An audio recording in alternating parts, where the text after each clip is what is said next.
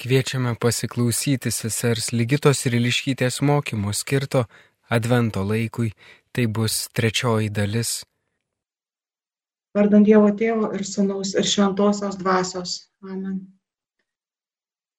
Viešpaties Dievo dvasia su manimi, nes viešpats patepė mane, kad neščiau gerąją naujieną vargdienėms.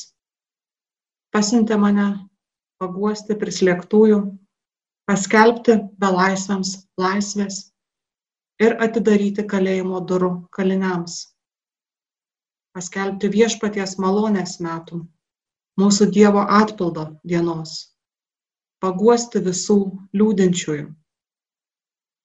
Iš viso širdies džiaugiuosi viešpačiu, džiugausiu Dievu savuoju, nes jis mane aprengė išganimo drabužiais ir apsupo teisumo skraiste. Kaip jaunikė, besipuošianti vainiku, lik nuotaka, besidabinančia veriniais. Kaip žemė išaugino savasias ataugas, kaip sodas suželdina savasias sėklas, taip viešpats Dievas suželdins teisumą ir šlovę visų tautų akivaizdoje. Meldžiam viešpatė, kad šis laikas, ši diena, kai vėl klausomės tavo žodžio, kai apmastome tave kaip Jėzės kelmų atžalą, kurioje įsikūnija Dievo teisumas ir šlovė visų tautų akivaizdoje. Šis laikas taptų mūsų atgaivos, mūsų vilties augimo, mūsų tikėjimo augimo ir mūsų meilės augimo proga ir vieta. To prašom per Kristų mūsų viešpatę. Jeigu kas nors darėt Advento vainiką, gal visi tikrai matėm, jeigu nedarėm, tai Advento vainikė yra tos keturios žvakės ir viena iš jų yra rožinė, kitos yra violetinės. Violetas yra ilgesio laukimo spalva, rožinė spalva yra džiaugsmo, kažkokio išsipildymo, bent jau išsipildymo pradžios spalva. Sakmadienio pavadinimas tas lotiniškasis gaudėte kyla iš mišių įžangos priegesmio. Turbūt tie, kurie vyresni iš mūsų, tai arba atsimenam, arba kas nors pasakojo, kad iki antro Vatikano susirinkimo bažnyčioje buvo naudojama lotynų kalba. Tai tas mišių priegesmis, kuris skaitomas būtent trečiojo advento sekmadienio metu, yra paimtas iš laiško filipiečiams, iš konkrečiai ketvirtos skyriaus, ketvirta penkta eilutės. Ir lotyniškajame variante pirmasis žodis tame skaitinyje buvo gaudėti džiaukitės. Ir tas gaudėte, tas žodis, pirmasis įžango žodis ir tapo sekmadienio pavadinimu. Koksgi yra tas visas įžangos priegesmis iš laiško filipiečiams? Jis skamba taip. Visuomet džiaukitės viešpatyje. Ir vėl kartoju, džiaukitės. Jūsų meilumas te būna žinomas visiems. Viešpats yra arti.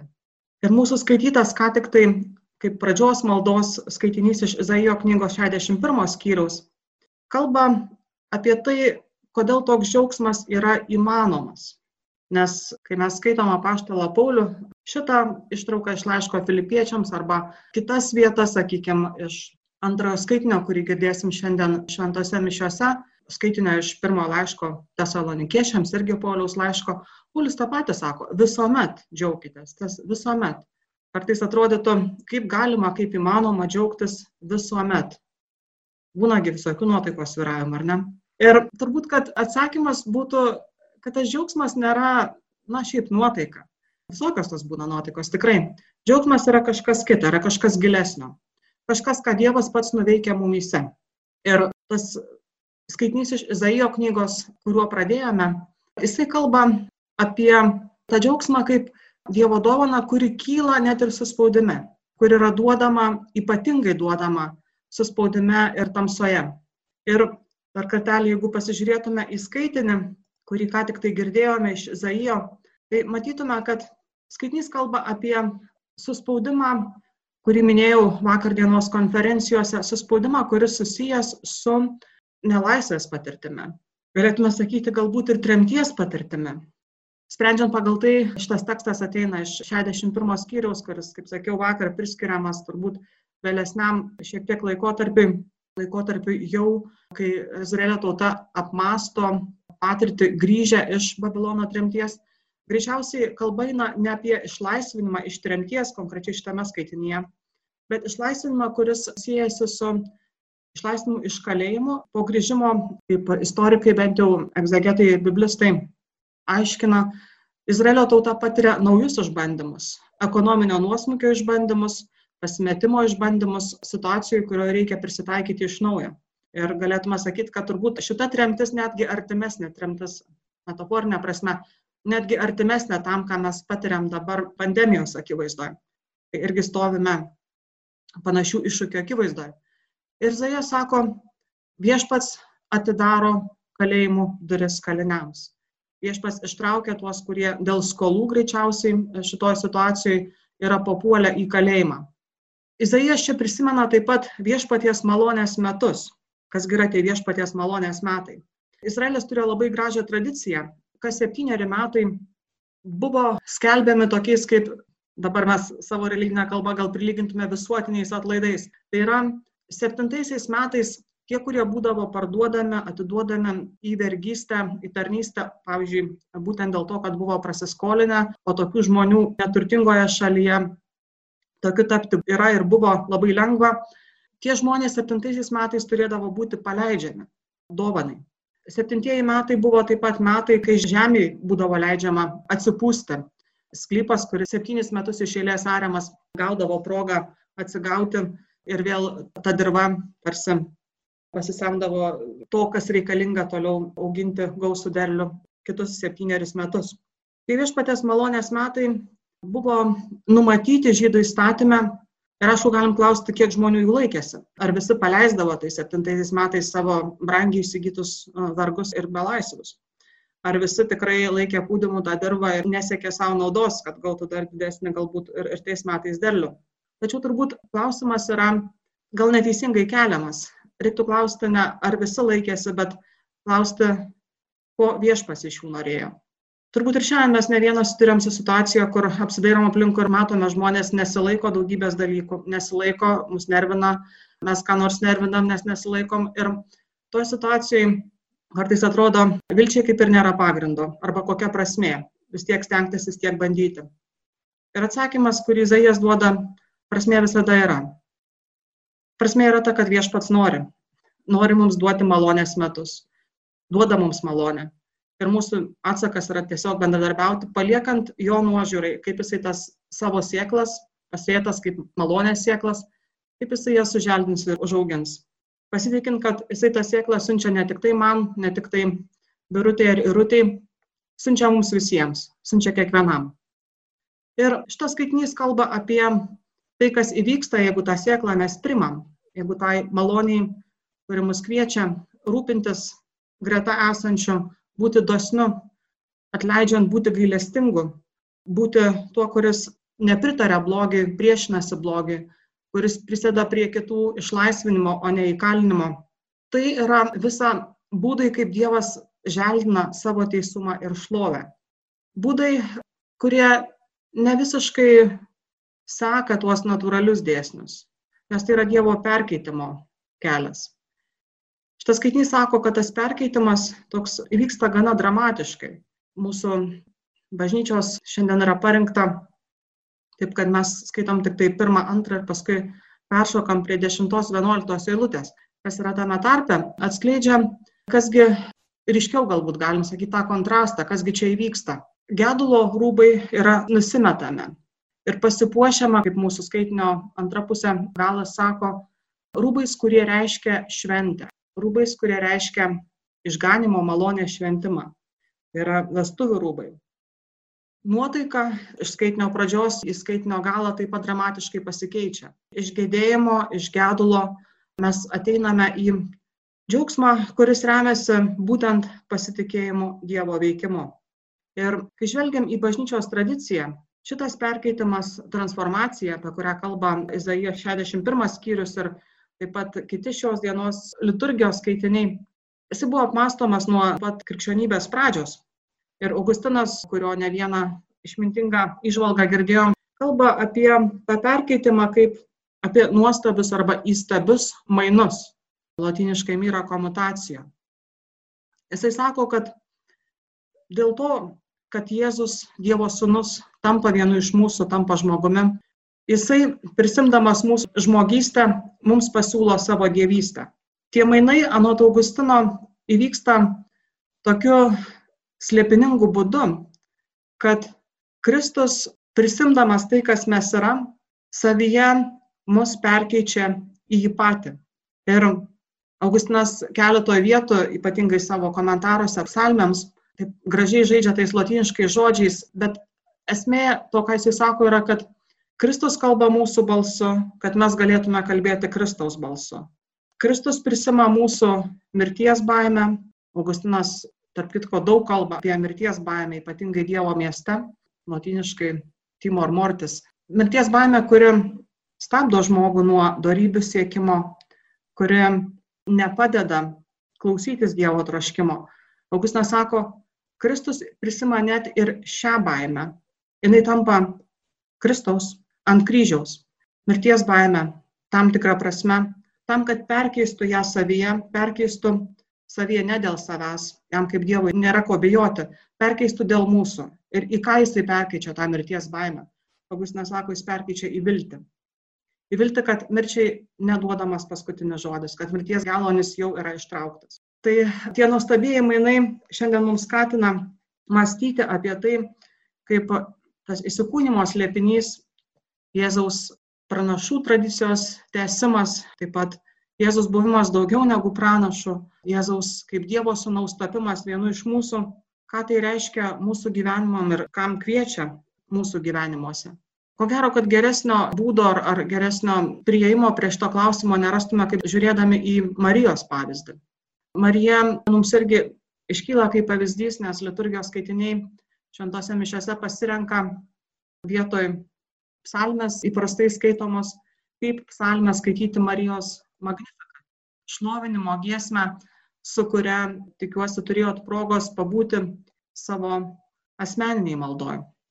Ir Mastant apie tai, kas svarbiausia ir, ir ko galėtume pasimokyti iš Marijos, žvelgdami į Magnifikat maldą, aš norėčiau pirmą trumpai prisiminti tuos du švento rašto skaitinius, su kuriais mes meldėmės iš tikrųjų. Tai yra su Elsbietos apsilankimu Marijos namuose, jos pasveikinimu ir su Marijos atsaku į pasveikinimą. Keletas minčių apie tai. Marija, galėtume sakyti, mums yra mokinystės pavyzdys. Mokinystės kaip atsiverti tam Dievo perkeičiančiam veikimui, tiem stebuklingiam mainam, kad visų tautų akivaizdoje Dievas išeldintų ir mumise, ir per mus savo viltį ir teisumą. Atsimenam, kaip susitinka Elsbieta ir Marija. Elsbietai tai yra šeštasis advento, jos asmeninio advento laukimo mėno, Marijai pirmasis. Tame susitikime mes matėm, kad nereikia daug žodžių, nereikia nieko įrodinėti. Galbūt tas galioja ir mūsų gyvenimam, kur žodžių būna daug, net ir konferencijos būna ilgos. Nereikia nieko įrodinėti nei savo, nei Dievui, nei kitiems. Susitikime mes regim žvilgsnį, pasveikinimą, kūdikio išėse sujudėjimą. Per daug nežinome apie aplinkybės. Gal tai buvo koks vakaras, galbūt ir ilgas vakaras prie besikūrenančios ugnelės. Toks vakaras, kai moteris tiesiog būna kartu, kalbasi apie dalykus, kurie atrodytų nėra kažkokie didingi, bet kartu sudaro istorijos viso audinio tos pagrindinius siūlus. Jos žino, kaip pasakyti ir kaip klausytis iš to skaitinio, su kuriuo meldėmės šį rytą, mes taip pat žinome, kad Marija pasiliko pas Elsbietą po to tris mėnesius. Tai yra trys mėnesiai dalinimuose galbūt kasdieniais darbais, rūpešiais, malda, laukimo džiaugsmu, galbūt ir nežinomybės nerimu. Tai kviečia ir mus nepasilikti vieniems, dalintis, dalintis tuo, kas gyvena viduje, kas gyva, kas skauda, dalintis taip pat bendradarbiaujant sutelkiant jėgas, kai siekiame gero. Kas svarbiausia Lukui, kuris aprašo šį susitikimą, yra, kad šitų dviejų moterų istorijoje aiškiai veikia Dievo dvasia. Jam netiek rūpi detalės, kurias mes galim papildyti ir gal gerai, kad tų detalių yra mažai, nes mūsų gyvenimo istorijos tampa tokia proga, susitikimo proga, kur galim iš savo gyvenimo istoriją atrasti kažkokias tai detalės, įsivaizduodami, kaip ta istorija galėjo atrodyti. Lukui rūpi tai, kad tai yra Dievo dvasia, kuri suveda, kuri pripildo ir kuri Elsbietai Marijos asmenyje leidžia atpažinti išganytojo motiną. Ko gero, tai yra pagrindinė tos Evangelijos kaip gerosios naujienos žinia, kad kai atveriame širdį Dievo troškimui, tai Dievas apšviečia, pripildo, palaimina, leidžiasi atpažįstamas ir gimsta mūsų kasdienybėje. Ir kaip ir pirmą kalbėjau, šis mūsų atliepas kartais tai yra tik mažas žingsnis ir tas pats lygia vieta, kai Dievas tuo tarpu nuolat eina link mūsų ir prie mūsų. Aišku, kartais tas žingsnis reikalauja daug ryšto ar drąsos, kaip Marijai, nemažiau kaip kelionė per kalnus į idėjos kalnyno miestą. Tas žingsnis mažas ar didelis gali būti tiesiog nuoširdus bandymas pažinti, ko Dievas trokšta, kaip kad mes darom dabar šių rekolekcijų metu. Tai atsisakom užsidaryti su mišime ar baime ar skubėjime ir išdrįstame atsiverti kitam, kitai esančiai šeštame mėnesyje, kaip Marija atsiveria Elsbietai. Ir kai kita ar kitas ateina su savo pirmo ar trečio mėnesio patirtim, susitikimas, pokalbis tampa Dievo ateimo vieta. Šis susitikimas mums kalba apie tuos žengiančio dešimtimis, šimtais tūkstančių žingsnių Dievo gailestingumą. Dievo, kuris skuba iš tikrųjų peržengdamas visą begalybę. Begalinis Dievas tapdamas kūriniu. Peržengia visą begalybę, galim sakyti, skiriančią dangų ir žemę dėl mūsų. Ir mums belieka žengti tik tą vieną žingsnį. Žingsnį link savųjų durų, kad jas atvertume. Marijos Magnifika primena mums apie Dievą, kuris yra negalimų dalykų Dievas. Magnifikat, kaip biblistai sako, Luko Evangelijoje ataidi primena Onos Samuelio motinos, kuri, kaip žinom, iš Senojo testamento ilgą laiką buvo bevaikė ir pagaliau susilaukė kūdikio giesmę iš pirmosios Samuelio knygos. Ir gal neatsitiktinai Magnifikat skamba būtent Elsbietos ir Zacharijo namuose. Ši tipiška Senojo testamento pora primena Abromą ir Sarą, Jokūbą ir Rachelę, Samuelio ir Samsono tėvus. Pažemintuosius žmonių akise, kurių nevaisingumas buvo laikomas gėda ir Dievo bausme. Marijos gesmėje gausu ir kitų sąsojų su Senuoju testamentu, kurio mes ne vieną ištrauką skaitėm ar prisiminėm, taip pat semitizmu, liudijančių tos giesmės, magnifikat giesmės senumą ir autentiškumą. Tarkim, Marijos pasakymas mano siela, mano dvasia yra semitizmai, būdas to meto kultūroje pasakyti aš. Marija toje giesmėje prabyla kaip aš, bet ne individualizmo iškreiptas aš, kuris pretenduoja būti pasaulio centru, bet kaip aš, kuris priklauso Dievui ir savo tautai. Ir apie tą Marijos priklausimą Magnifikat giesmė pirmiausiai kalba žodis tarnaitė, graikiškai dulė, siejama su hebrajišku ebed. Tai žodis, kurio Marija save apibūdina ne vieną kartą. Ir iš kitų švento rašto vietų mes žinome, kad tarnas, tas žodis reiškia asmenį, kuris skelbia Dievą, skelbia Dievo karalystę, skelbia Dievo žodį. Tuo žodžiu vadinami, tarnu vadinami pranašai ir apaštalai. Tam tikrą prasme Marija dalyvauja Kristaus karališkoj, pranišiškoj ir kunigiškoj tarnystėje. Kaip ir mes visi tikintieji ir pakrikštytieji esame kviečiami dalyvauti. Ką mums sako pirmasis Petro laiškas ir antro Vatikano susirinkimas. Taigi galim sakyti, kad tarnaitė dulė toje magnifikat giesmėje pirmiausiai reiškia priklausanti Dievui, atvira jo valiai, jam atsidavusi. Marija liudija, kad Dievas pažvelgė į nuolankę savo tarnaitę. Biblistai siūlo, kad gal tiksliau netgi būtų galima išversti pamatė savo tarnaitės pažeminimo būklę, nes tas graikiškasis tapeinozis, kuris čia vartojamas, kitose švento rašto vietose apibūdina kančią, priespaudą, pažeminimą, pakartoto įstatymo knygoje. Marija, tarnaitė ir moteris, ryštingų savo taip, fiat, patikėjusi savo gyvenimą Dievui ir žmonijos likimą Dievui, kartu įkūnija ir pažeminimo būklę. Ir jį liudija, kad Dievas pažvelgia į šią būklę, į šią priespaudos, vargo, skurdo būklę. Kad Dievo meilės žvilgsnis yra veiklus. Jis yra veiklus tiek Senojo testamento ištarmėse. Tarkim, pakartoto įstatymo knygos pasakojame, kai pamatęs savo tautos kančią, čia irgi tas pažodis naudojamas, Egipte Dievas išveda ją iš nelaisvės, tiek ir Marijos Magnifikat giesmėje. Dievo žvilgsnis yra veiklus, nes jo paliesta Marija tampa palaiminta, laiminga, džiaugsminga. Šio žvilgsnio gale yra atstatomas teisingumas. Magnifikat liudija, jog Dievas yra jos Marijos pusėje. Ir per ją, ir dėl jos taip visų jo klausančių, visų pažemintų, pavergtų, alkstančių, kenčiančių, varga ar neteisybės pusėje. Taigi pažadas duotas protėviams per pranašus išsipildo dėl jaunos žydės mergaitės atvirumo Dievui ir jos taip. Pasaulio galingieji ir pirmieji tampa paskutiniais.